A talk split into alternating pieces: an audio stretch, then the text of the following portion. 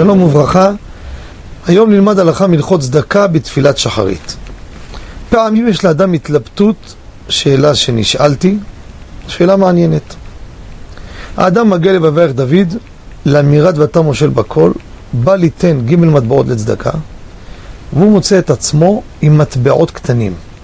לדוגמה, 30 אגורות, או שלושה חצאים, שזה שקל וחצי.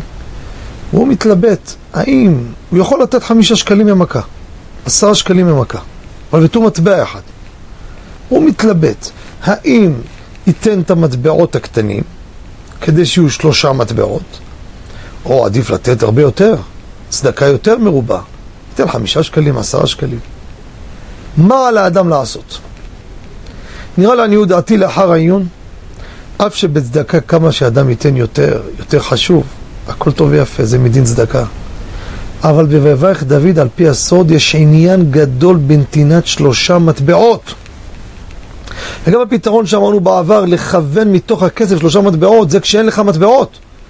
אם יש לך אפשרות, שלושה מטבעות קטנים, או מטבע אחד גדול, אני דעתי, ייתן את הקטנים, כדי לקיים את הנתינה של שלושה מטבעות. וייתן שתי מטבעות בבת אחת לתוך הקופה, לאחר מכן מטבע נוספת לתוך הקופה.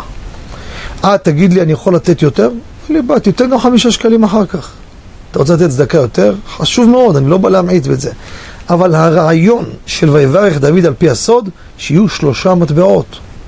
לא משנה איזה ערך יש להם.